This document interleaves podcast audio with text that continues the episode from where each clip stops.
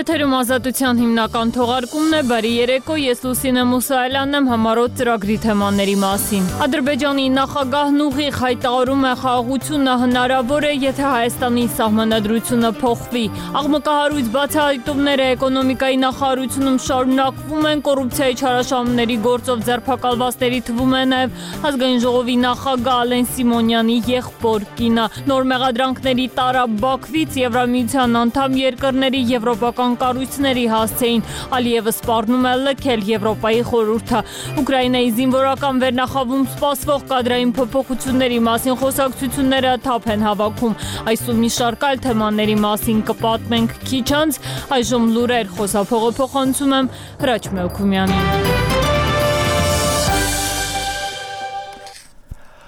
Հայաստանը այսօր պաշտոնապես միացավ միջազգային քրեական դատարանին։ Փետրվարի 1-ից Հայաստանի համար ուժի մեջ է մտնում Հռոմի կանոնադրությունը։ Կրեմլի խոսնակ Դիմիտրի Պեսկովն ասել է, որ միջազգային քրեական դատարանին Հայաստանի անդամակցությունը նրա ինքնիշխան իրավունքն է։ Ռուսաստանի համար կարևոր է, որ դա բացասաբար չանդրադառնա Մոսկվայի եւ Երևանի հարաբերությունների վրա, նշել է նա։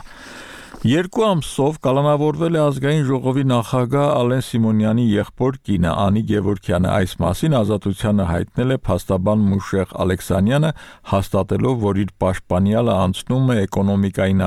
նախարարությունում առերևույթ կոռուպցիոն չարաշահումների գործով Ադրբեջանի նախագահ Իլհամ Ալիևը այսօր ասել է, թե Ադրբեջանի եւ Հայաստանի միջև դե ֆակտո խաղաղություն կա եւ գործընթացը տրամաբանական ավարտին հասցնելու համար անհրաժեշտ է ստորագրել խաղաղության համաձայնագիրը։ Նա ասել է, որ Հայաստանի սահմանադրությունում եւ մյուս փաստաթղթերում փոփոխությունների դեպքում հնարավոր կլինի հասնել խաղաղության, պնդելով, որ Հայաստանի անկախության հռչակագրում Ադրբեջանի տարածքային ամբողջականությունը խախտելու Ղարաբաղը Հայաստանին միացնելու ուղղակի կոչ կա եւ այդ փաստաթղթի հղումը արտացոլված է սահմանադրությունում։ Այսօր Բրյուսելում Եվրամիության գագաթաժողովում համաձայնեցվեց Եվրամիության բյուջեից Ուկրաինային 50 միլիարդ եվրո օգնություն տրամադրելու հարցը։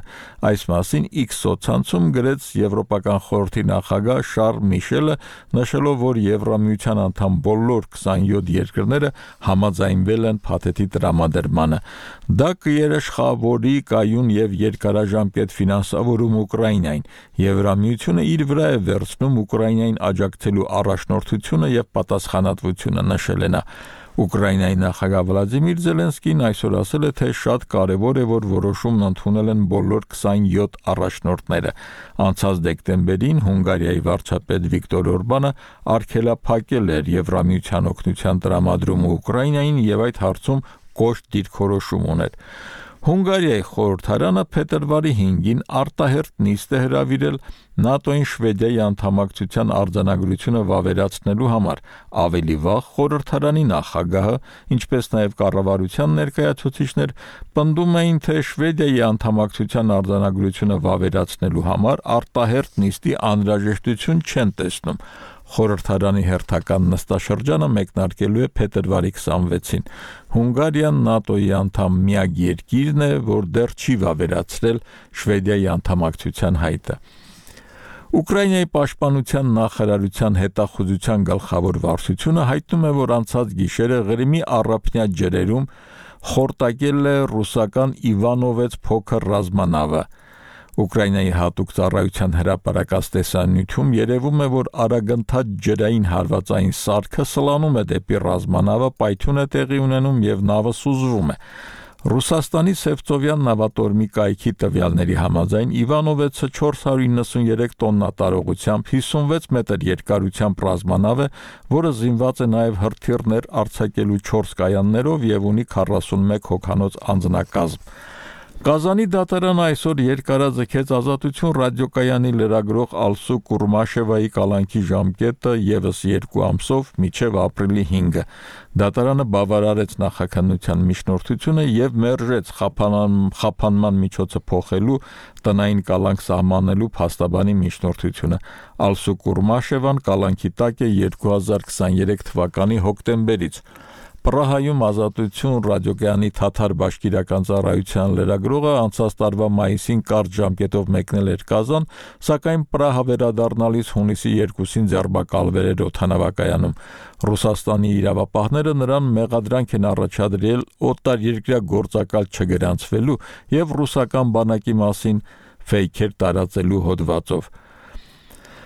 Ալսու Կուրմաշևան երկքաղաքացի է ԱՄՆ-ի եւ Ռուսաստանի քաղաքացիություն ունի։ Ազատություն ռադիոկայանի նախագահի պաշտոնակատար Սթիվեն Կապուսը մեկնաբանելով դատարանի այսօրվա որոշումը ասել է, որ Ալսու Կուրմաշևան ակնհայտորեն անարթարացի է ձերբակալվել միայն նրա համար, որ նա ԱՄՆ-ի քաղաքացի է եւ լրագրող, ով իր աշխատանքը կատարելու համարձակություն ունի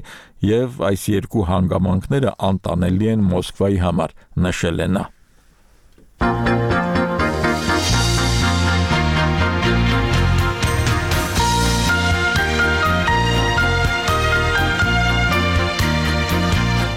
Շնորհակալություն հրաչ շարունակում ենք թողարկումը նախ-ադրբեջանական գործընթացներին անդրադառնանք մինչ օրեր շարունակ իշխանության ներկայացուցիչները տարատեսակ մեկնաբանություններով հաճախ իրարամերժ փաստարկներով փորձում են հիմնավորել նոր սահմանադրություն ունենալու անհրաժեշտությունը Բաքվից ոչ միայն բաց տեքստով են ասում, որ նման պահանջ են ներկայացրել Հայաստանի իշխանություններին, այլև արդեն հստակ ժամկետներ են պահանջում, երբ Հայաստանն իր սահմանադրությունից եւ օրենսդրական ակտերից հեռացնելու Բաքվի համար վիճահարույց դրույթները։ Ավելին Ադրբեջանի առաջնորդը խաղաղության նախապայման է համարում նաև Հայաստանի մայր օրենքի փոփոխությունը։ Հաստղիկ Բեդևյանն է մանրամասնում։ Ադրբեջանի նախագահն այսօր ուղիղ հայտարարեց խաղաղությունը հնարավոր է, եթե Հայաստանի սահմանադրությունը փոխվի։ Ալիևը անկախության հրճակագրի ձևակերպումներն Ադրբեջանի նկատմամբ տարածքային նկրտումներ է համարում։ Հայաստանի սահմանադրության եւ այլ փաստաթղթերի փոփոխությունների դեպքում հնարավոր կլինի հասնել խաղաղության։ Հայաստանի անկախության հռչակագիրը պարունակում է Ադրբեջանի Ղարաբաղի շրջանը Հայաստանին միացնելու Ադրբեջանի տարածքային ամբողջականությունը խախտող ուղակի կոչեր։ Այդ փաստաթղթին հղումներն արտացոլված են Հայաստանի սահմանադրության մեջ։ Ընդդիմություն նորը շարունակ պնդում էր Հայաստանի իշխանությունը Բաքվի պահանջով է ուզում նոր սահմանադրություն ընդունել։ Թիրախն էլ կասկածում էին անկախության հռչակագիրն է, որտեղ հիշատակում կա Արցախի եւ Հայաստանի վերամիավորման մասին։ Իշխանությունը հերքում էր, թե դրսից նման պարտադրանք կա։ Ազգային ժողովի փոխնախագահն անգամ հանրայինի հետ զրույցում տարակուսել էր, որտեղից են այդ պնդումները։ Ալիևն այսօր բացեի բաց խոսեց իր դժգոհությունից։ Դաշնակցությունից Արծվիկ Մինասյանը կարծում է ադրբեջանական պահանջին Հայաստանն իր վճռական ոչը պիտի ասի։ Եթե ադրբեջանական պահանջ իսկ դա այդպես է, եւ թուրքական պահանջը հիմա վերաձևակերպված է, որ հայ ժողովուրդը պետք է հրաժարվի իր պատմական անցյալից, իր անժամանցելի իրավունքներից, նույնիսկ հազար անգամ, եթե դու համոզված ես, որ քո ներքին համոզումով, որ դա լավ բան է, չպետք է անես, որովհետև եթե քո ճշնամու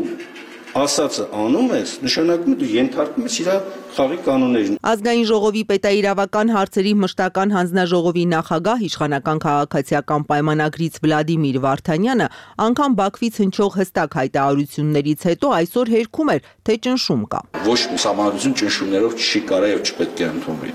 որովհետեւ եթե համանadrություն ընդունում են ճնշումներով, ապա մենք իշխանության հետ կապված որոշակի խնդիրներ ունենք։ Հասարակական հարաբերությունների զարգացումն է հանգեցնում համարական փոփոխություններին։ Մենք կենտրոնացել ենք միայն մեկ ասպեկտի վրա եւ այդ ասպեկտի ներքո չեն դիտարկում ընդհանրապես մյուս զարգացումները, որոնք տեղի են ունեցել։ Վարդանյանը հստակ չպատասխանեց հարցին, եթե նոր սահմանադրության նախագիծ լինի, անկախության հրճակագրին հղումը կպահպանվի, դրան падգամավորի պատասխանը հետևյալն է՝ վերացական դիտարկումները լավ տեղ չեն տանում։ Տարբեր երկրների սահմանադրական ավանդույթներում տարբեր մոտեցումներ կան եւ կանոնակարգումների հետ կապված եւ եզրափակիչ դրույթների մեկ միասնական հաստատող ունենալու թե սահմանադրական մի շարք ակտերի սահմանադրական քաղաքական սահմանադրություն որպես այդպեսին ունենալու այդ ամբողջը քննարկելու հարց է որն է նոր սահմանադրություն ունենալու հիմնական նպատակը Թեմայից առաջինը մոտ 10 օր առաջ վարչապետ Նիկոլ Փաշինյանը խոսեց։ Գործադիր եւ օրենսդիր իշխանության ներկայացուցիչները նոր սահմանադրության անհրաժեշտությունից խոսելիս տարբեր հիմնավորումներ էին այսօր ներկայացնում։ Արդարադատության փոխնախարար Արամ Մկրչյան։ Այսպես ասած, մեսիջն այն է, որ Հայաստանի Հանրապետությունը կարիք ունի ժողովրդի կողմից հարակ թափանցիկ եւ լեգիտիմ հարակվեով ժողովրդի կողմից ընդունված սահմանադրություն, այսինքն նոր սահմանադրության անհրաժեշտության ամենակարևոր նպատակահարմարության ամենակարևոր հանգամանքներից մեկը հենց սա է։ Պատգամավոր Վլադիմիր Վարդանյանը գործող սահմանադրության լեգիտիմությունը կասկածի տակ չի դնում։ Ինչպիսի հանրային ընկալում կա այս կամ այն փաստաթղթի ընդունման գործընթացի հանրային ընկալում է, չեմ վիճակում լեգիտիմություն, որտեղ որ պահին ես ասում ես վիճակում եմ լեգիտիմություն, այդ պահին ես պետք է լքեմ ցանկացած պետական հիմնարկ։ Բայց դրանից զուգահեռ ես կուզենայի, որ մենք համալրությունը դիտարկեինք որպես ապրող փաստաթուղթ եւ այդ փաստաթուղթը հասարակական հարաբերությունների զարգացման փուլում կարիք է առաջանում սահմանադրի կարծիքը սահմանադրի քվեի արկայության բաղկայում փոփոխելու կամ վերափոխելու կամ վերանայելու Մինչ արդարադատության փոխնախարարը հայտարարում է նոր սահմանադրության մասնագիտական քննարկումները դեռ չեն էլ սկսվել, ոչ էլ հանրակրվեի ժամկետներ են քննարկել, Ալիևը հենց այդ փոփոխություններն է համարում խաղաղության գործընթացը արագ ավարտին հասցնելու լավ հնարավորություն։ Ադրբեջանի նախագահի սրտով չեն նաև Հայաստանի միջազգային դատական հայցերը։ Դրանցում էլ Ադրբեջանի տարածքային ամբողջականությունը խախտելու խնդիր է տեսնում։ Կոչ անում վերջ տալ դրանց։ Աստղիկ Բեդևյան, Ազատություն ռադիոկայան Երևան։ Thank you.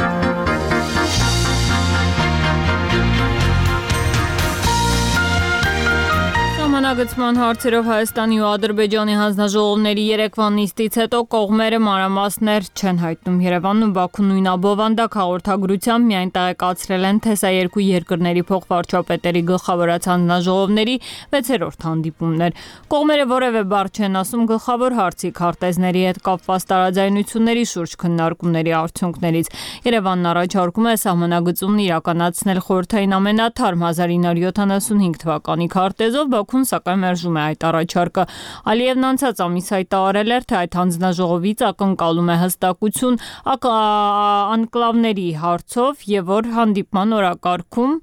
Ղազախ Թովուս հատվածի սահմանազատման հարցն է։ Բանակցությունների արդյունքների վերաբերյալ մանրամասներ է փորձել ողջել Շողի Գաստյանը։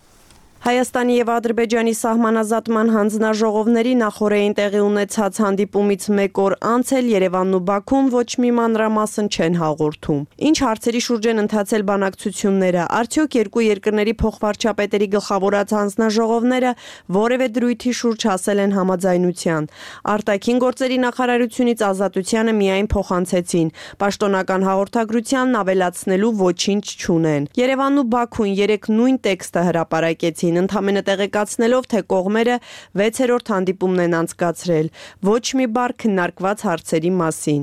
Արդյոք սա նշանակում է, որ բանակցությունները տապալվել են։ Հարցին իշխանական պատգամավորներն այսօր հրաժարվում էին պատասխանել, պնդելով, թե մանրամասներից տեղյակ չեն։ Ընդդիմությունից մինչդեռ կարծում են, թե այստեղ էլ Բաքուն շարունակում է հստակ պահանջներ ներկայացնել։ Եթե հաշվի առնենք այն հայտարարությունները, որոնք հնչում են պաշտոնական Բաքվից եւ որոնք հնչում են Երևանից, դրանք ակնհայտ են դարձնում,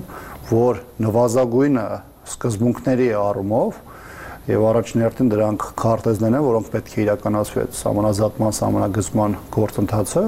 Բաքվի եւ Երևանի միջև կա բավականին խորը հակասություն։ Հանդիպման ընթരാճ փոխվարչապետ Մհեր Գրիգորյանը վստահեցնում էր, թե նախ պետք է հստակ սահմանվեն համատեղ աշխատանքներում օգտագործվելիք իրավական նշանակություն ունեցող փաստաթղթերը։ Իրավական ակտերի տեսակները նույնականացվեն քարտեզները։ Ադրբեջանի նախագահը մինչդեռ հայտարարում էր, թե օրակարգում 1 Ղազախ Թովուզ հատվածի սահմանազատման հարցն է։ Այս հակասությունների ֆոնին ազգային ժողովի նախագահը երեք ասաց, թե հայկական կողմը այդ բանակցություններից հստակության ակնկալիք ունի։ Մենք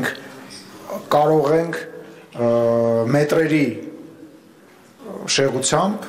ցույց տալ, թե որտեղ է անցնում Հայաստանի եւ Ադրբեջանի սահմանը եւ ոչ ոչ միայն ցույց տալ ինչ որ երևակայական քարտեզներով,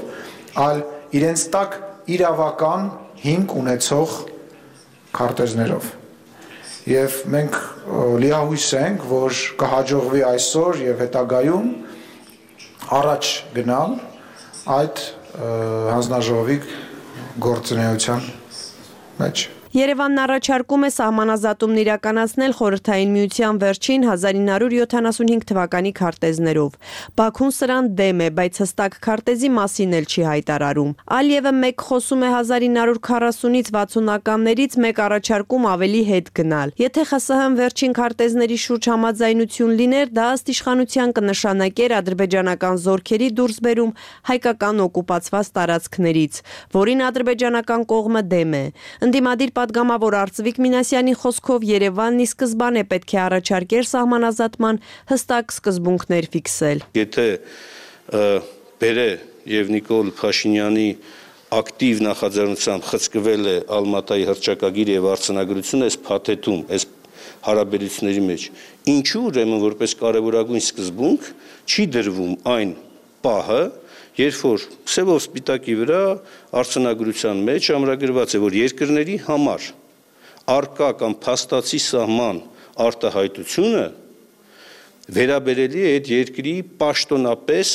անդամակցության վավերացման պահից Պաշտոնական Երևանը պնդում է, թե սահմանազատման գործընթացում հանձնաժողովները պետք է վերահաստատեն իրավական հիմքերով գծված սահմաններն այնպես, ինչպես դրանք գոյություն են ունեցել ԽՍՀՄ փլուզման պահին։ Իսկ նոր սահմաններ գծելու լիազորությունը ստարտ գործնախարար Միրզոյանի որևէ մեկը չունի։ Շարունակում ենք մնալ հաստվճռական մեր այն դիրքորոշման մեջ, որ սահմանազատման գործընթացի ընթացքում համապատասխան հանձնաժողովները պետք է վերարտադրեն իրավական հիմքեր ունեցող, իրավական հիմքերով գծված սահմանները։ Սահմանազատման հանձնաժողովների երեկվա հանդիպումից հետո հայտնի չէ, թե երբ տեղի կունենա հերթական հանդիպումը։ Շողիկ Գալստյան, Ազատություն ռադիոկայան Երևան։ Բաքուն շարունակում է կոշտ հնչեցնել Եվրամիության անդամ երկրների եվրոպական կառույցների հասցեին այսօր նախագահ Իլհամ Ալիևը սպառնաց քննարկել Եվրոպայի խորհրդին Ադրբեջանի անդամակցությունը դադարեցնելու հարցը մեղադրանքների նոր չափաբաժին հնչեցրեց նաև Ֆրանսիայի հասցեին կրկին պնդելով թե Մակրոնի կառավարությունը հակաադրբեջանական քաղաքականություն է իրականացնում եւ աշխարհքաղաքական ինտրիգներ նախաձեռնում Բաքվի դեմ սրելով իրավիճակը նաև Հարավային Կովկասում։ Գևորգ Ստամբոլցյանն է հաղորդում։ Եթե Եվրոպայի խորհրդի խորհրդանական վեաժողովում ադրբեջանական պատվիրակության լիազորությունները չվերականգնվեն, Ադրբեջանը կվերանայի Եվրոպայի խորհրդի եւ մարդու իրավունքների եվրոպական դատարանի աշխատանքներին իր մասնակցության հարցն այսօր Բաքվում միջխորհրդանական միության նախագահի հետ հանդիպման ժամանակ հայտարարել է Ադրբեջանի նախագահ Իլհամ Ալիևը, մեկնաբանելով Եվրոպայի խորհրդի խորհրդանական վեաժողովի ձմեռային նստաշրջանի ընթացքում կայացված որոշումը, որով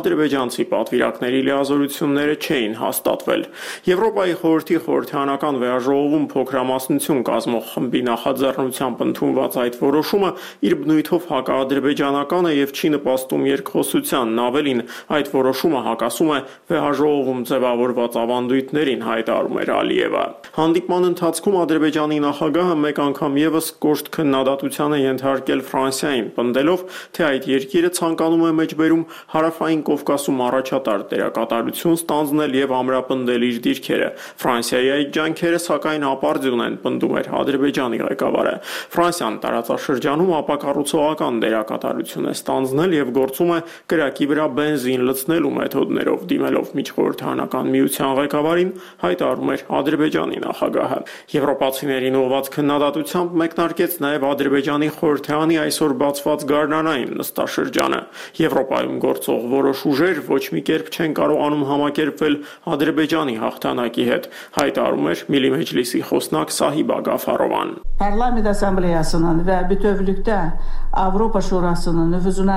Եվրոպայի խորհրդի խորհրդանական վերահրովում ադրբեջանական պատվիրակության գործունեությունը որոշվել է դադարեցնել ի պատասխան այն չհիմնավորված ու մտածածին մեղադրանքների, որ հնչում են մեր երկրի հասցեին։ Ադրբեջանի հանդեպ նման կողմնակալ վերաբերմունքի պատճառները հայտնի են։ Եվրոպական որոշ ուժեր չեն կարողանում համակերպվել ադրբեջանական հաղթանակների եւ 44-օրյա պատերազմի ընթացքում մեր ինքնիշխանության վերականգնման փաստի հետ։ Դա լուրջ հարված է հարավային Կովկասում ստեղծված նոր իրողություններին հայտարարում էր Գաֆարովան։ İlerliye getmək əzmini və iradəsini nümayiş etdirir։ Դատելով ադրբեջանական խորհրդանի գարնանային նստաշրջանի առաջին նիստից արտահերտ նախագահական ընտրություններից 7 օր առաջ Բաքվում որոշել են նոր թափ հաղորդել մտքին ուղված քննադատությանը կրկին Ֆրանսիան հիմնական թիրախ դարձնելով։ Միլի մեջլիսի այսօրվա նիստի ընթացքում այս առումով աչքի ընկավ падգամավոր եւ գրող Ֆրանսիա-Ադրբեջան խորհրդարանական խմբի անդամ Ագիլ Աբասը։ Նա ցոստիալ Մակրոնը Ես շատ կուզեի, որ Մակրոնին հրավիրեն Ադրբեջան, թող գա եւ տեսնի, թե հայերն այստեղ ինչպես են ապրում։ Մենք եկեղեցիներն ու սինագոգները չենք քանդում։ Թող Մակրոնը գա ու տեսնի, թե ինչպես են վերանորոգվում Շուշիի եկեղեցիները։ Չնայած, եթե ես նման հնարավորություն ունենայի, ոչ էլ կվերանորոգեի դրանք, անկեղծանում էր ադրբեջանցի падգամավորը։ Amma Allah mən əlimdə imkan olsaydı onu təmir eləməzdim elə։ Զարգացնելով իր միտքը Ագիլ Աբասը հասավ նրան, որ հայտարարեց, թե ոչ թե Ադրբեջանը պետք է վախենա արևմտյան պատժամիջոցներից, այլ արևմուտքը նախ եւ առաջ Փարիզը ադրբեջանականներից։ Yəni sanksiyalar bizi qorxutmaq lazım. Necə sanksiya tətbiq eləsələr də biz müdafiə sənayesində hazır։ Մեզ պետք չէ պատժամիջոցներով սպառնալ։ Տեսեք, Ռուսաստանը Ֆրանսիային պարզապես քշեց Աֆրիկայից, իսկ Ֆրանսիային ուրան է հարկավոր եւ նրանց միակ հույսն այժմ Ղազախստանն է։ Իսկ այդ երկրից դեպի Ֆրանսիա միայն երկու ճանապարհ գոյություն ունի՝ կամ Ռուսաստանով, կամ էլ Ադրբեջանով։ Ռուսաստանը դա թույլ չի տալիս, մնում է Ադրբեջանը։ Հիմա հարց է ցակում։ Իսկ ինչ է անելու Ֆրանսիան, եթե մենք էլ պատժամիջոցներ սահմանենք, հայտարարում էր ադրբեջանցի падգամավորը։ Մի սանկցիա դատվել է Գրաննոլ Ֆրանսան։ Բայց եթե հանկարծ արևմուտքն այնուամենայնիվ որոշի պատժամիջոցներ սահմանել Բաքվի դեմ, ապա դա էլ ըստ ադրբեջանցի օրենսդրի այնքան էլ վախենալի չի լինի։ ediblər 40 ildir։ Իրանի դեմ էլ պատժամիջոցներ սահմանեցին։ Դրա հետևանքով հիմա այդ երկիրն ամեն ինչ սեփական ուժերով է արտադրում, ընդཐུպ մինչև բալիստիկ հրթիռները, հայտարարում էր Աբասը։ uzaq vuran ballistik raketlərini də düzəldib։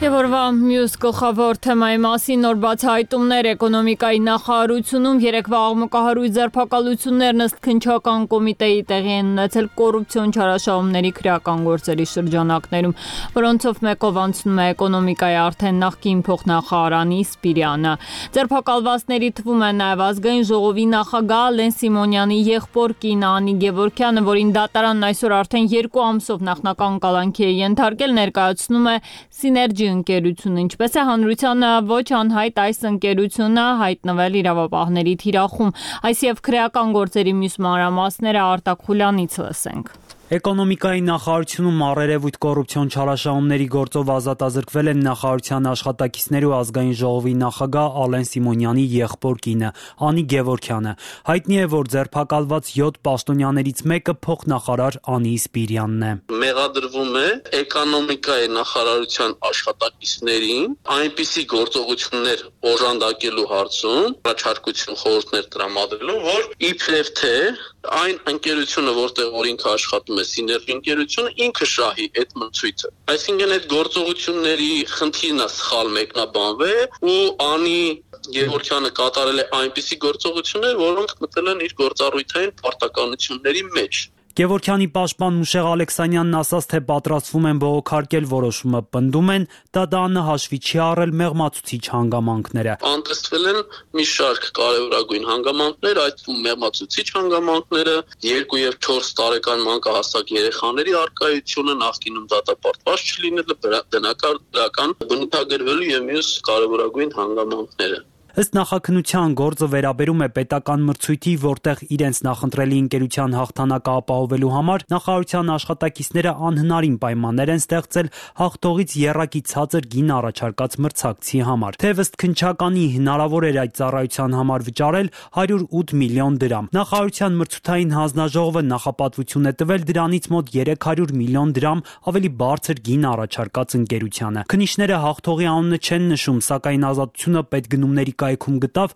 այս մրցույթի պատմությունը, ըստ որի կասկածելի պայմանագիրը կնքվել է Synergy ընկերության հետ անցած տարվա կեսին։ Նախարարության պաշտոնյաների հետ հանդիպումներում ըստ պաշտոնական փաստաթղթերից մեկի ընկերությունը ներկայացրել է Անի Գևորքյանը, որը ազգային ժողովի նախագահ Ալեն Սիմոնյանի եղբոր կինն է։ Նա ըստ փաստաբանի արդեն 1 տարի է չի աշխատում Synergy ընկերությունում։ Կալանավորվածների մեջ է նաև Synergy ընկերության ղեկավարներից մեկը։ Հատկանշական է սակայն, որ պարտվող Հարմոնիա ընկերությունը այս մրցույթի արդյունքի հետ չէր հաշտվել եւ անցած հունիսին դիմել էր դատարան։ Ընկերությունից հրաժարվեցին այսօր մեկնաբանություն տալ ազատությանը, սակայն դատարանում ըստ արձանագրության ընկերության ներկայացուցիչը փաստարկել է, որ նախարարությունը մրցույթի երկրորդ փուլում փոխել է պայմանները, սահմանելով մասնակցության նոր ու խտրական պահանջներ, ինչի արդյունքում իրենք դուրս են մնացել։ Դատարանն ի վերջո նրանց բողոքը բավարարել է, պարտավորեցնելով նախարարությանը նոր մրցույթ անցկացնել, որտեղ արդեն Synergy-ն պարտվել է։ Այս պատմությունը փաստացի ավարտվել է անցած տարվա օգոստոսին։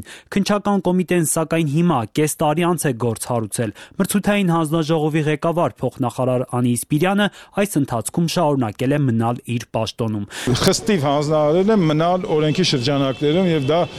ավելի քան վստահ եմ, որ հենց այդպես էլ կա։ Նրա վերադասը էկոնոմիկայի նախարարն այսօր էլ պնդեց, թե աշխատակիցների անմեղությանը չի կասկածում։ Տենդերային գործընթացը եղել է անընդհատ իրավաբանների եւ մյուս գործընկերների, այդ թվում նաեւ ֆինանսների նախարարության ներողություն, ֆինանսների նախարարի հսկողության նախարարության հսկողության տակ եւ մենք ավելի քան վստահ ենք, որ դատարանով էլ կամ քննությամբ էլ կպարզվի, որ գնումների մասին եւ դրա հետ փոխկապակցված օրենքների հետ որևիցե խախտում չի լինի։ Synergy-ն հրաժարվում է հարցազրույցից։ Ընկերությունը միայն հայտարարություն է տարածել, որտեղ ասվում է, թե այս պահին ընթանում է նախաքննություն, ուստի ընկերությունը հավելյալ տեղեկատվություն կդրամադրի մոտ ապագայում։ Արտակ Խուլյան, Ազատություն ռադիոկայան, Երևան։ Պետական մրցույթների կոռուպցիոն սկանդալի ֆոնին կառավարությունը հայտարարում է, թե ցանկանում է գնումների մասին նոր օրենք ունենալ գործող օրենքը, համարելով հնացած վարչապետ Նիկոլ Փաշինյանն էլ նշել է, թե օրենքի թերությունների պատճառով շատ կայացած ու լուրջ ընկերություններ չեն ցանկանում մասնակցել կառավարության հայտարարած մրցույթներին։ Նանեսակյանն է շարունակում։ Այս տարի Հայաստանը կունենա գնումների մասին նոր օրենք։ Եվ առաջիկայում մենք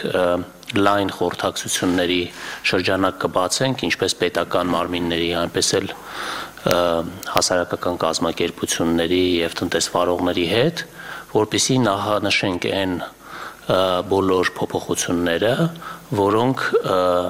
ուզում ենք իրականացնել նոր օրենքով, ուզում ընդգծել, որ մենք խոսում ենք նոր օրենքի մասին, ոչ թե օրենքում փոփոխություններ կատարելու մասին։ Ֆինանսների նախարար Վահե Հովանիսյանն այս նախաձեռնության մասին տեղեկացրեց այն բանից հետո, երբ կառավարության նիստին վարչապետը դժգոհեց գնումների մասին օրենսդրությունը բարելավելու մասին շարունակ խոսվում է, բայց գործընթացում փոփոխություն չկա ու չկա, որն է գնումների ոլորտում եղած խնդիրների պատճառը։ Համենայն դեպս ըստ նախարարի օրենքն է հնացած։ Իրականությունը, որում մենք հիմա գտնվում ենք, եւ այն իրականությունը, որում գրվել է այդ օրենքը, արդեն բավականին բան է փոխվել եւ ծավալների իմաստով գնումների ծավալների եւ կարծում ենք, որ այստեղ նոր բան անելու կարիք կա, այստեղ ֆունդամենտալ քայլեր են իրականացնելու։ Թե ինչ ֆունդամենտալ փոփոխություններ են սպասվում, մանրամասները այսօր չհայտնեցին։ Կապվեցինք նաև քաղաքասարակության ներկայացուցիչների հետ, նրանք եւս առայժմ գաղափար չունեն, թե ինչ տեսլական ունի ֆինանսների նախարարությունը գնումների օրենքը փոխելու հարցում։ Մինչ այդ վարչապետը նկատում է շատ կայացած ու լուրջ ընկերություններ չեն էլ ցանկանում մասնակցել կառավարության մրցույթներին, ասելով թե փողը տալիս եք, հետո փետն առնում, ընկնում մեր հետևից։ Երբ երբեմն քիչ OGG ունեցող գործողություններ են անում եւ եւ համակարգը լրացուցիչ նաեւ լարում ենք որովհետև մարդիկ ասում են լավ է գանք ձեր գնումներին մասնակցենք ՊՎՑ-ն գալու է, ԱՀՑ-ն գալու է, ՀԿՑ-ն գալու է։ Բանը մամուլում գրելու են, ես մեկը ես մեկի հետ հատկատեմ մեկի, մենք գործ չունենք, գնացեք մենք մեզ համար թողեք, ինչը ինչը մեզ համար խնդրեմ է։ Գնումների մասին օրենքի 3 տարբերակ Հայաստանն արդեն ունեցել է, կարելի է ընդունել նաև 4-րդը, բայց փոխելուց առաջ նախ պետք է հասկանալ, արդյոք գրված օրենքը լիարժեք գործում է։ Հարց է բարձրացնում ավելի քան 15 տարի գնումների գործընթացին հետևող Transparency International հակակոռուպցիոն կենտրոնի ծրագրի ղեկավարը։ Օրինակ Հայաստանում ընդհանուր գնումների թվում երակշռում են մեկ անձից գնումները, ոչ թե մրցութային ընթացակարգերը։ Նախմրցույթները քիչ տոկոս են կազմում, դա առաջին խնդիրն է։ Պետք է հասկանալ ինչու է քիչ տոկոս, Երկրորդ խնդիրը նույնիսկ երբ որ այդ քիչ տոկոսը նայում ենք, տեսնում ենք, որ մասնակցությունը բավականին ցածր է։ Երկուսի էլ չի հասնում միջին մասնակցությունը։ Իհարկե կան որ շատ են մասնակցում, բայց հիմնականում նաև այդ քիչ թվով հայտ ներկայացած ընկերություններն են։ Եթե թեմայի շուրջ կառավարությունը հրավիրի հանրային լսումներ, նախ պետք է հարցնել, թե ինչն է վատ աշխատում գործող օրենքում եւ որտեղ է այսպես ասած ախտորոշումը, նկատում է փորձագետը։ Վերջիվերջո, եթե մենք ուզում ենք նորմալ պետություն դառնալ, նորմալ պետություն պետք է այդ անիցիալ policy բառը, public policy բառը կյանքի կոչեն։ Իզան նշանակում է վերլուծել գնահատել վերջիվերջո քաղաքականության այդ policy ցիկլի ամենակարևոր этаպը դա եղածի վերլուծությունն է։ Մինչև չվերլուծվի, չհասկացվի ինչու է ու ինչ ինչ խնդիրներ կան։ Այո։ Մինչև դա չարվի նոր ինչ որ օրենք նոր քաղաքականություն մշակելը անիմաստ բան եմ համարում։ Ընդ որում ըստ Օկտանյանի խնդիրների կծիկը պետք է բացել վերջին ծայրից։ Հարկատուների միջոցներով կառավարությունը ստացել է անորակ ծառայություն, պետք է այդ կետից հետ գնալ վերլուծելով ճանապարհի բոլոր քայլերը, չբացառելով կոռուպցիոն գործարքները։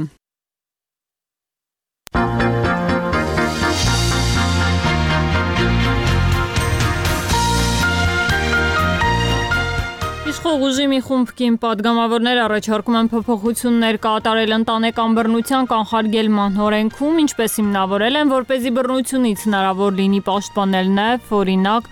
ամուսնության վկայական ճանաչող զուգ ընկերոջը։ Բացի այդ առաջարկվում է սեռական բռնություն հա,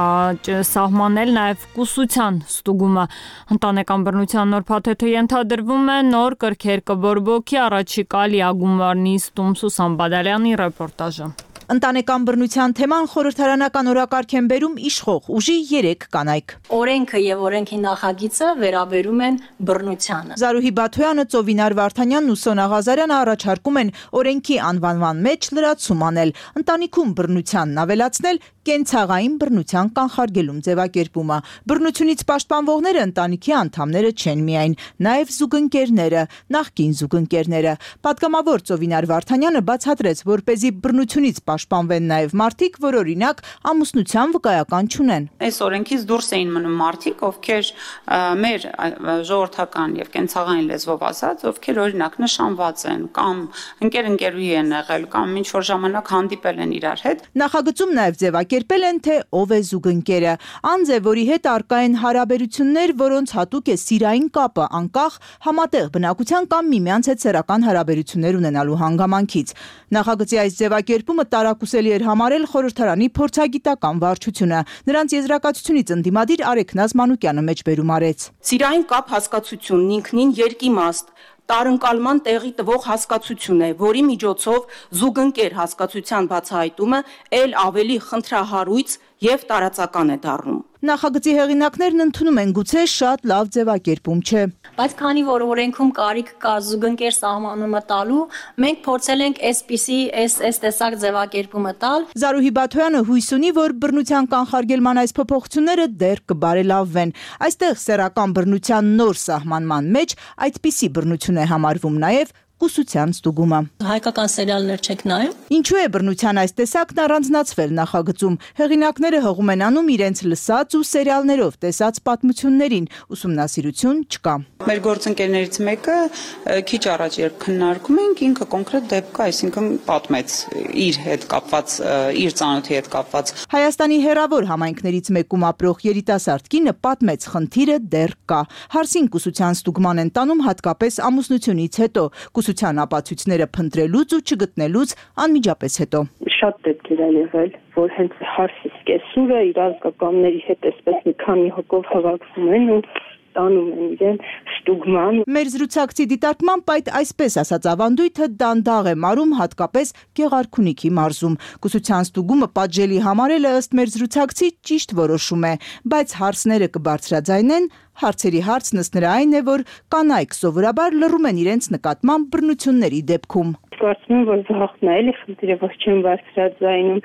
որ խնդիր չունենան ընտանիքում ամուսնու կողմից, նույնիսկ այսօր սպեսրարի կողմից։ Բարձրաձայնում են միայն բաժանվելուց հետո, ասում է կինը, շեշտելով նաև այն, որ հաճախ ոստիկանությունն էլ անարձագանք է թողնում կանանց դիմումները։ Տունա կռիվ կլինի, յոլա գնացեք խոսքերով։ 21, 22, 23 թվականի կտրվածքով եթե նայենք, մի փոքր աճ ունենք։ Ներքին գործերի փոխնախարարն էր այսօր խորհրդարանական քննարկմանը։ Նախորդ տարի ընտանեկան բռնության 1819 դեպք է գրանցվել։ Թիվը մեծ է, բայց դա ըստ Արփինե Սարգսյանի նշանակում է, որ նաև մարդիկ են սկսել շատահազանգել։ Օրենսդրական այս փոփոխությունները համարում է կարևոր կարևոր է, բայց խնդիր կա հենց վերնագրում, առարկում է կանանց աջակցման կենտրոնի ներկայացուցիչ Զարա Հովանիսյանը։ Առաջարկում է կենցաղային բռնություն եզրույթը հերացնել ընտանեկան բռնության օրենսդրությունից։ Եվ իջեցնում է փաստացի ընտանեկան բռնություն հասկացությունը կենցաղային կռվի մակարդակի ինչը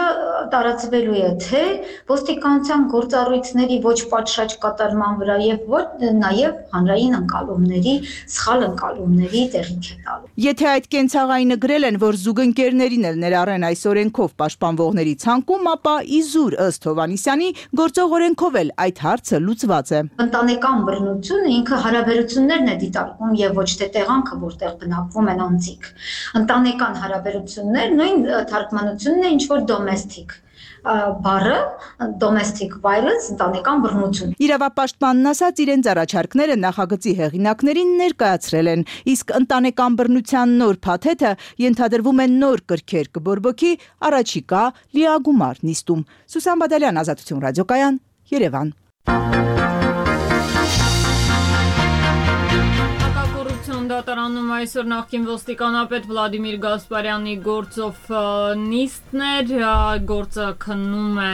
քննվում է արդեն ավելի քան 4 տարի նախկին պաշտոնյան մեղադրվում է հանցավոր ճանապարհով ստացված ավելի քան 2 միլիարդ դրամ նորինականացնելու, լիազորությունները չարաշահելու, օրինական եկամուտները շեշտակի գերազանցող գույք թանկարժեք տներ, մեքենաներ ձեռք բերելու համար ուշագրավ է, որ ի տարբերություն քրական հետապնդումների ենթարկվող այլ նախկին պաշտոնյաների Գասպարյանը համոզված է,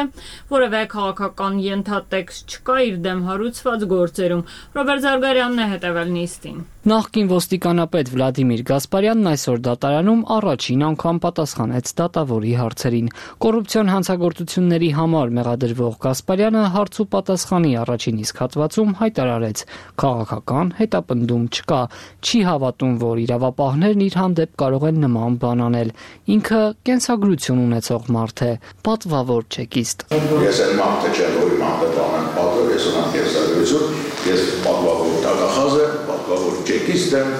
պատվավոր քրիչական կոմիտեի աշխատակից եմ։ Դատարանում ընթացող քննությունն այսօր դռնբաց շարունակվեց, բայց պայման կար. տեսախցիկների օբյեկտիվներում նախկին ոստիկանապետը չպետք է հայտնվի։ Լրագրողները կարողացան ձայնագրել մեղքը չընդունող Գասպարյանին։ Իմ քաղաքականությունով չեն զբաղվել, քննություն արել, քննել են, ոչ մեկը չեք լսել երբեք, երբևիցե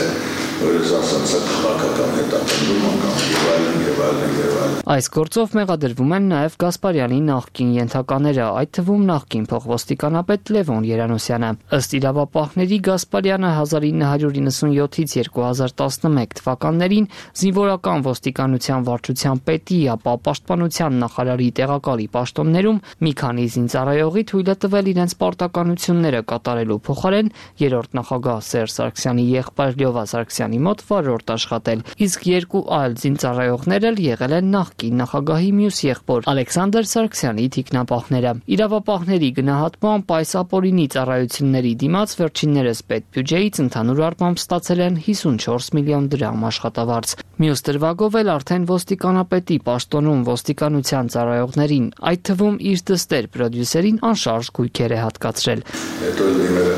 պետք չէ գովազդել պրոդյուսերներ, պետք է ուժեղ պրոդյուսեր չկա երեխայա։ Ես պետք է լինել պրոդյուսեր, ինչ ուզենա, ինչ ասել ու մասել անելու է Գործի մեկ այլ մաս էլ նախկին ոստիկանապետի մյուս դստերը Յուլիա Գասպարյանին է վերաբերում։ Իրավապահները ողջել են ոստիկանությունում աշխատանքի անցնելով նա ոչ մի անգամ գործի չի գնացել, բայց 3 տարիների ընթացքում շուրջ 9 միլիոն դրամ աշխատավարձ է ստացել։ Ըստ իրավապահների նախկին ոստիկանապետի տեղակալ Լևոն Երանոսյանն է փաստաթղթերը ստորագրել ու հաստատել։ Ես եմ խնդրել Երանոսյանին, որ աշխատանքի ընդունի, չի ཐակցնում նախկին ոստիկանապետը։ Ես Երանոսյան հարտական ընկերներ եմ։ Ես կարծում եմ, որ անհարմար զգացել ուղղակի այդ հարցերը բարձրացնալի մոտ լրելա չեմ ողջունում դա, բայց չեմ նավատում։ Բայց հետագա երբ արդեն ազատվելուց հետո իմացել եմ, որ հաջողականությունը չի ապահովել եւ այլն եւ այլն ես ինքս եմ ասել որ կտանեք այդ գումարները կմուծեք նախկին ոստիկանապետի դուստրն էլ մեղադրյալի կարգավիճակ ուներ բայց համագործակցելով իրավապահների հետ նա վերականգնել է պատճառած վնասը համաձայնել է մեղադրանքին քրեական հետապնդումն էլ դադարեցվել է Գասպարյանը բացի այս գործից նաև ապօրինի հարստացման համար է մեղադրվում Ռոբերտ Զարգարյան Ազատություն ռադիոկայան Երևան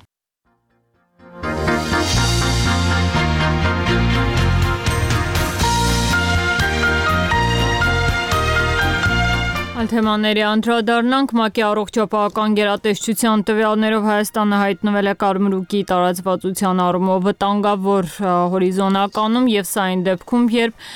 Հայաստանի կառավարությունից պնդում են կատարել են առողջապահության համաշխարհային կազմակերպության պահանջը պատվաստումների 95%-ն ապահովել են։ Իրավիճակը սակայն վերահսկողությունից դուրս է եկել հիվանդության սրընթաց զարգացման պատճառով։ Նայինե Ղալեչյանն է ներկայացնում սկզբից ջերմություն ամնեցը հա, հետո զգացել են, որ դեմքին ցաներ առաջանում, հաշ չէին ուտում, բերեցինք ինֆեկցիոն, ռենտգեն արեցին, որ բարձր տղուս մոտը թոքաբոլվա։ Ներկայանալ չցանկացող մեր զրուցակցի 3 երեխաներն իրար հերթ չտալով վարակվել են կարմրուկով։ 3 ու 6 տարեկան երեխաներն այս պահին հիվանդանոցում են։ Տղան երկկողմանի թոքաբորբ ունի։ Ինքը դեմ է եղել պատվաստմանը, բայց 6 ամսական փոքրիկի վարակվելուց հետո որոշել է մյուս երկուսին էլ պատվաստել։ Առաջին դեղաչափն ընդունելուց շատ չանցած երեխաները վարակվել են։ Բժիշկներն ասում են, որովհետև պատվաստվելուց հետո օրգանիզմին 10-ից 15 օր է հարկավոր, որ เป զի հակամարմիններ առաջանա ու պաշտպանված լինի որպեսզի կստեն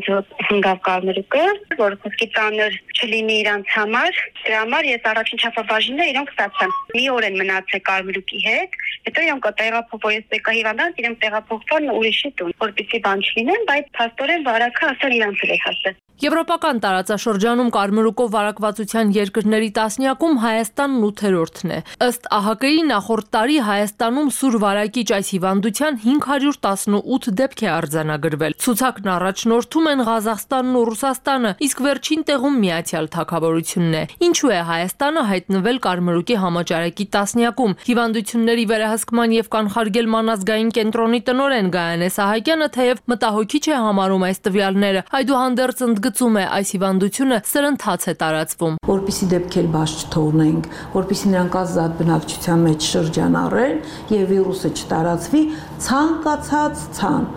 դիտարկվում է որպես կարմրուկ եւ կարմրուկի նկատմամբ լաբորատոր հետազոտություն է իրականացվում։ Դեպքեր չենք բաց թողնում։ Եթե մեր յուրաքանչյուր ցանը մենք չդիտարկենք որպես կարմրուկ, հնարավոր է եւ դեպքերը բաց թողնենք։ ԱՀԿ-ն հրապարակել է նախորդ տարվա մարտից մինչև նոյեմբեր ամսվա տվյալները։ Դրանից հետո եւս 68 դեպք է Հայաստանում գրանցվել։ Կարմրուկի բռնկման ամենամեծ թիվը Հայաստանում արձանագրվել է 2004-ից 2006 թվականներին, երբ ավելի քան 4600 մարդ էր վարակվել։ Դրանից հետո Հայաստանն անցել է massայական պատվաստումների։ Թիվը նվազել է ավելի քան 16 տարի անց հիվանդությունը նորից է գլուխ բարձրացրել։ Չնայած Պաշտոնյան պնդում է վերջին տարիներին կարմրուկի դեմ պատվաստում նպաստումների 95%-ն ապահովել են։ Ողջ 2023 թվականին ավելի քան 40000 չպատվաստված անձի պատվաստում է հենց իրականացվել։ Այստեղ միանշանակ իր դերը կատարում է տարիները, այսինքն տեղական դեպքերի բացակայությունը,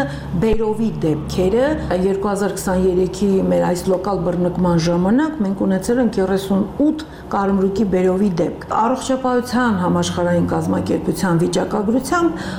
առաջի տասնյակում չկա Վրաստանը, բայց մի շատ հետաքրքիր վիճակագրություն ունենք մենք։ Մեր 38 դեպքից 7-ը Բերովի դեպք է հենց Վրաստանից։ Իսկ ինչպես են ԱՀԿ-ի այս տասնյակում չհայտնված երկրները պայքարում կարմրուկի համաճարակի դեմ։ Գայանե Սահակյանը Գերմանիայի օրինակը բերեց, որտեղ պատվաստումներն ասում է պարտադիր են։ Հրաժարվող ծնողները տուգանվում են ու զրկվում պետական տարբեր արտոնություններից եւ ոչ միայն։ Իսկ Հայաստանում պատվաստումները պարտադիր չեն։ Կարմրուկն առհասարակ սկզբնական շրջանում հարբուխի ու գրիպի է նման։ Մասնագետներն ասում են, այն բացահայտվում է, երբ արդեն հիվանդի մարմինը ցանավորվում է, իսկ ցանից 4 օր առաջ ու հետո հիվանդը համարվում է սուր վարակիչ։ Ինֆեկցիոն հիվանդությունների ազգային կենտրոնի վարակաբան Հռիփսիմե Հարությունյանն այս պահին կարմրուկով հոսպիտալացված փոքրիկների է բուժում։ Տարեցները, ուղեկցվող հիվանդություն ունեցողներն ու փոքրիկները այս հիվանդության թիրախում են։ Ասած իր պացիենտները կամ պատվաստված չեն, կամ էլ հասցրել են միայն մեկ դեղաչափ ստանալ։ Իսկ տարածված կարծիքը թե կարմրուկ է կհիվանդանան կանցնի, բժշկի համար անընդունելի է։ Ունենում ենք նաև կարմրուկի շատ բարդ ընթացքներ, դրանք էնցեֆալիտներն են, օտիտները, թոքաբորբերը։ Իհարկե դրանք բոլորը վիրուսի հետ պայմանավորված կարող են ունենալ նաև շատ ծանր ընթացք։ Երկու դեղաչափ պատվաստանյութ ստացած երեխաները 98% պաշտպանված են հիվանդությունից։ Կարմրուկի դեմ երեխաների պատվաստումը կատարվում է 1, իսկ երկրորդ դեղաչափը 4-ից 6 տարեկանում։ Իսկ այն մեծահասակները, որ չեն հիշում պատվաստվել են թե ոչ, մասնագետները խորհուրդ են տալիս գոնե 1 դեղաչափ ստանալ։ Բժիշկը հիշեցնում է, ականջի բորբոքումը, աչքերի բորբոքումը, թոքաբորբը, սուր քորով ուղեկցվող մարմնի ցանը բարդ հաղթահարելի է հիվանդի հատկապես երեխայի համար։ Անցած տարի Հայաստանում 1 երեխա է մահացել կարմրուկի բարդություններից։ Հիվանդության ծանր հետևանքն ըստ Գայանե Սահակյանի ուղեղի բորբոքումն է, էնցեֆալիտը։ Մասնագետները հիշեցնում են, եթե մինչև վիրուսով վարակվելը մարդը պատվաստված է եղել որևէ հիվանդության դեմ կամ վարակվել ու ձեռք է բերել բնական իմունիտետ, կարմրուկի վարակը դրանք զրոյացնում է։ Կարող է այլ վարակիչ հիվանդությունով վարակվել կամ այլ խնդիր ունենալ եւ դարձյալ որպես ծանր բարդություն, ծանր ելք գրանցվել։ Չնայած հիվանդությունների վերահսկման եւ կանխարգելման ազգային կենտրոնից պնդում են, որ երկրում կարմրուկի դեմ պատվաստումների 95%-ն ապահովված է, ինչպես պահանջում է ԱՀԿ-ն, այդուհանդերձ բժիշկ Հարությունյանը շարունակում է ընդունել կարմրուկով վարակված, չպատվաստված կամ թերի պատվաստված վարակակիրների։ Նարինե Ղալեչյան, Ազատություն ռադիոկայան, Երևան։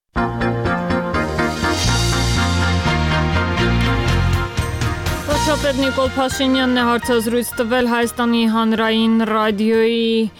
անվտանգային միջավայր հաղորդաշարին այս պահին էլ հարցազրույցը շարունակվում է դրա ընթացքում վարչապետ Փաշինյանը խոսում է համանadrության լեգիտիմությունից իսկ Ադրբեջանի ճնշումների մասին հարցերին նա դեռ ուղիղ չի պատասխանել լսենք այդ հարցազրույցից մեկ հատված Մենք քաղաքացու եւ պետության միջև ճեղք ունենք։ Ինչու է արտահայտվում այդ ճեղքը։ Այդ ճեղքը արտահայտվում է ելի լեգիտիմությամբ, որովհետեւ Հայաստանի Հանրապետության սահմանադրությունը որը ընդունվել է 1995 թվականին եւ մի քանի անգամ փոփոխվել է, այդ սահմանադրությունը երբեք չի ընդունվել այն պայմաններում եւ միջավայրում, երբ Հայաստանի Հանրապետության քաղաքացին ինքը իրեն ասի, ես գնացի քվեարկեցի եւ ընդունեցի սահմանադրություն։ Որն այն կետը, որն այն պահը, երբ որ մենք ոչ պետական ժողովրդից վեր ենք ածվում պետական ժողովրդին։ Այդ պահը սահմանադրական հարակվեն է։ Իմիջիալոց մեղադրանքներ կան անդիմադիր շրջանակներից, նաև այլ շրջանակներից, թե ձեզ վրա ճնշում են գործադրում, նաև արտաքին աշխարհից նոր սահմանադրություն ընդունելու հարցում։ Ձեր արձագանքն ինչպիսին է այս Գիտեք, իմ արձագանքը հետեւյալն է այդ խոսույթին։ Շատ ուղիղ են ասում, ասում են, այս համադրության փոփոխությունները կապված են Ադրբեջանի ճնշումների հետ։ Եվ ես պիտի հետեւյալը ասեմ ձեզ, տեսեք, ես էլի պետքա վերադառնամ մեր խոսակցության ամենասկզբին, որովհետև ցանկացած կառավարություն ինքը պետք է վերլուծի եւ հասկանա, թե ինչպես է ինչ հայցակարգի հիման վրա է ինքը ապահովելու երկրի անվտանգությունը եւ պետք է տեղորոշի, զատորոշի այն խնդիրները, որոնք եւ այն կետերը, որոնք արտաքին անվտանգային սպառնալիք են առաջացնում։ Հիմա մեր խնդիրը ի՞նչ է։ Մեր խնդիրը հասկանալ, մենք գիտենք, որ ագրեսիվ միջավայրում ենք գտնվում։ Մեր խնդիրը հետեւյալն է՝ հասկանալ, թե ինչու է մեր միջավայրը ագրեսիվ մեր նկատմամբ։ Ղարաբաղից պիտի վախենալ այն օրը, երբ որ 200-250 հազար մարդ անտուն, անօթևան, վիրավորված, զինված կլցվի Երևան։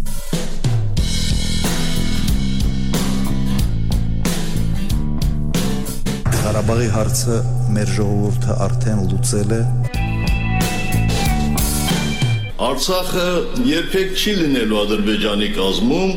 եւ այս խնդիրը ճունի ռազմական լուծում։ Եկեք դադարեցնենք այս բանը, հա, ինչ եք բանակցում։ Ինչ որ պետք է անեն բանակցում ենք։ Կյանքը ցույց կտա, թե ով ինչ է արել Արցախի համար եւ ով է իրականում ծախում այն։ Նորագույն պատմություն։ Երրորդ հանրապետությունն ազատության աչքերով։ Արցախը Հայաստան է եւ վերջ։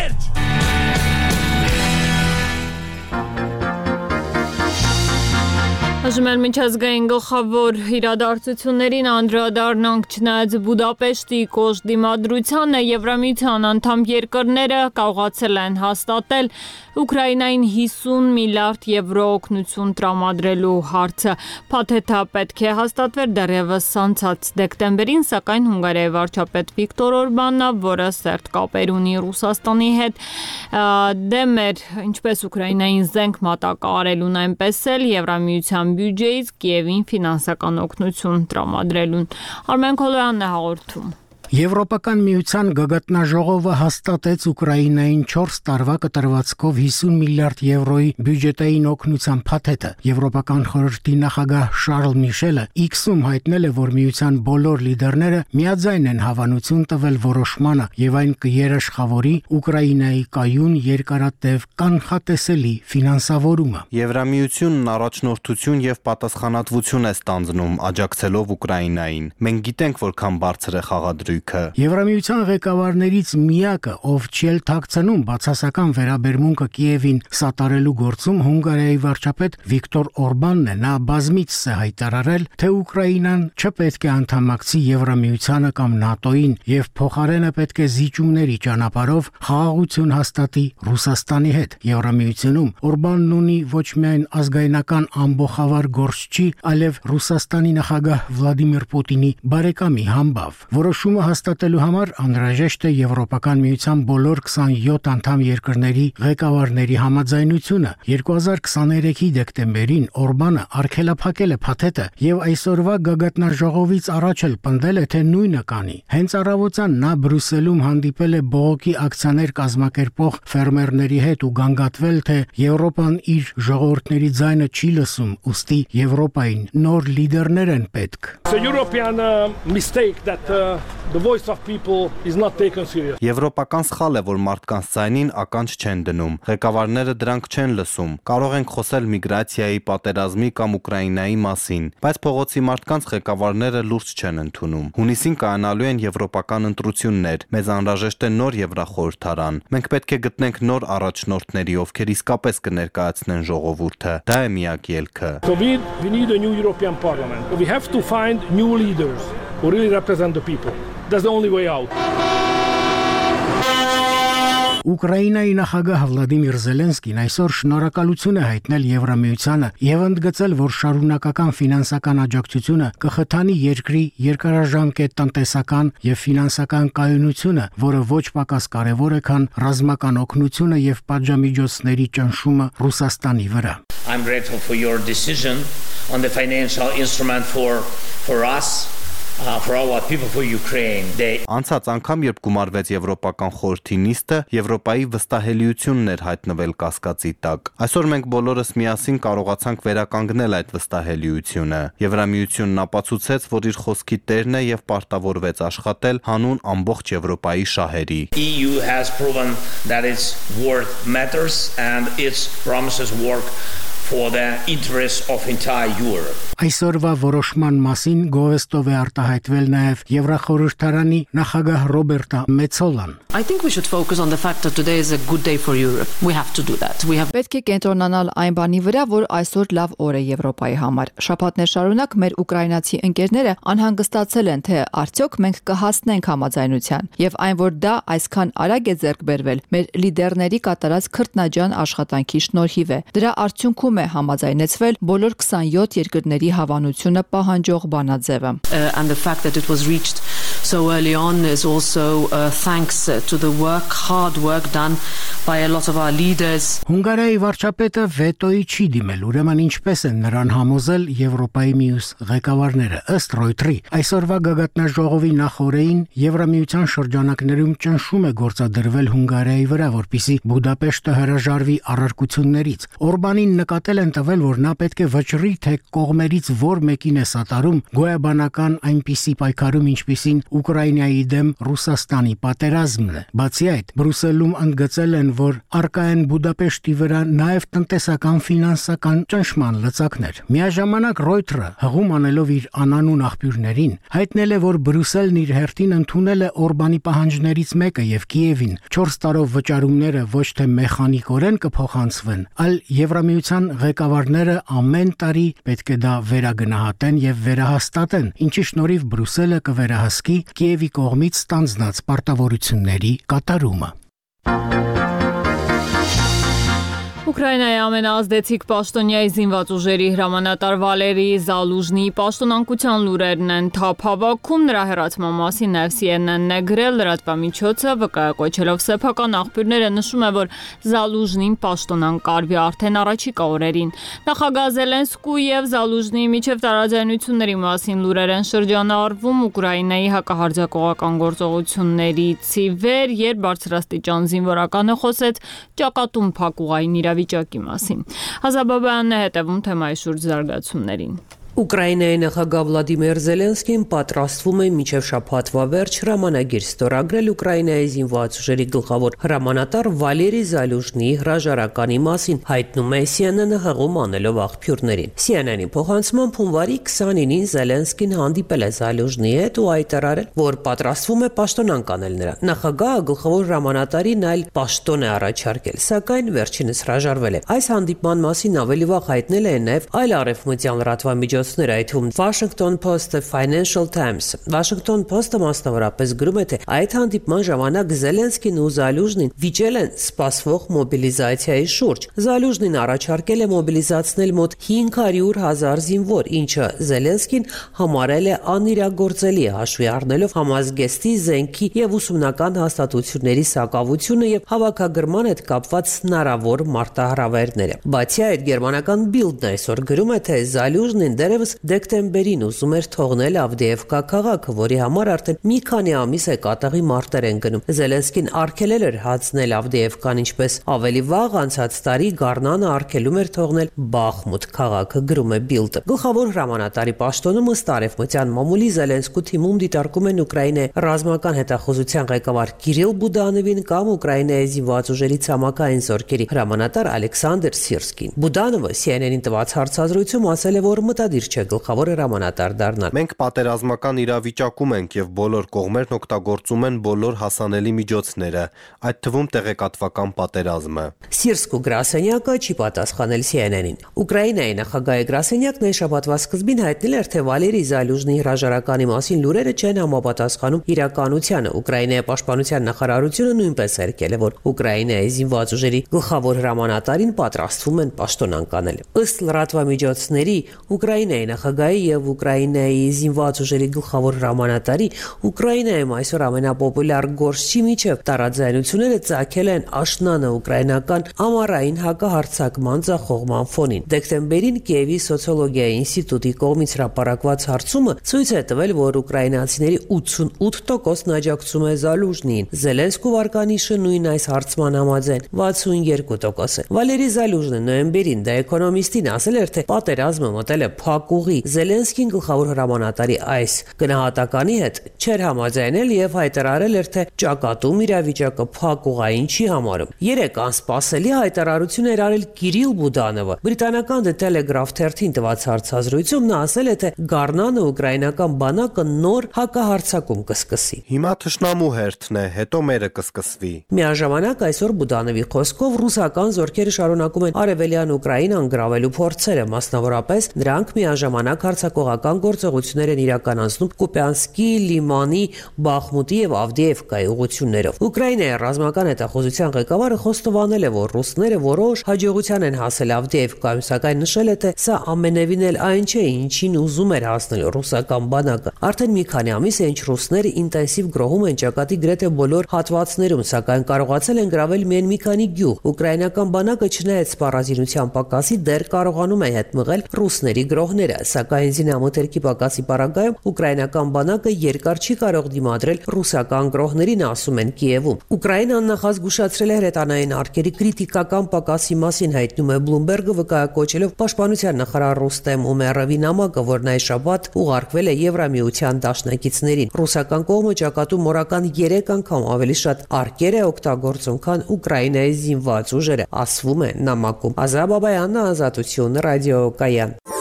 Ազատություն TV-ն արդեն հասանելի է Հայաստանի բոլոր գլխավոր կաբելային ցանցերում։ Դիտեք մեզ Ucom-ի 222-րդ, Rosttelecom-ի 18-րդ եւ Team TV-ի 3-րդ ալիքներով։ Ազատության շուրջօրյա անկողմնակալ լրատվությունը, բացառիկ հարցազրույցները, ուղիղ միացումներն ու ռեպորտաժները կարող եք դիտել նաև ազատություն.am կայքում, YouTube-ում ու մեր Facebook-յան էջում։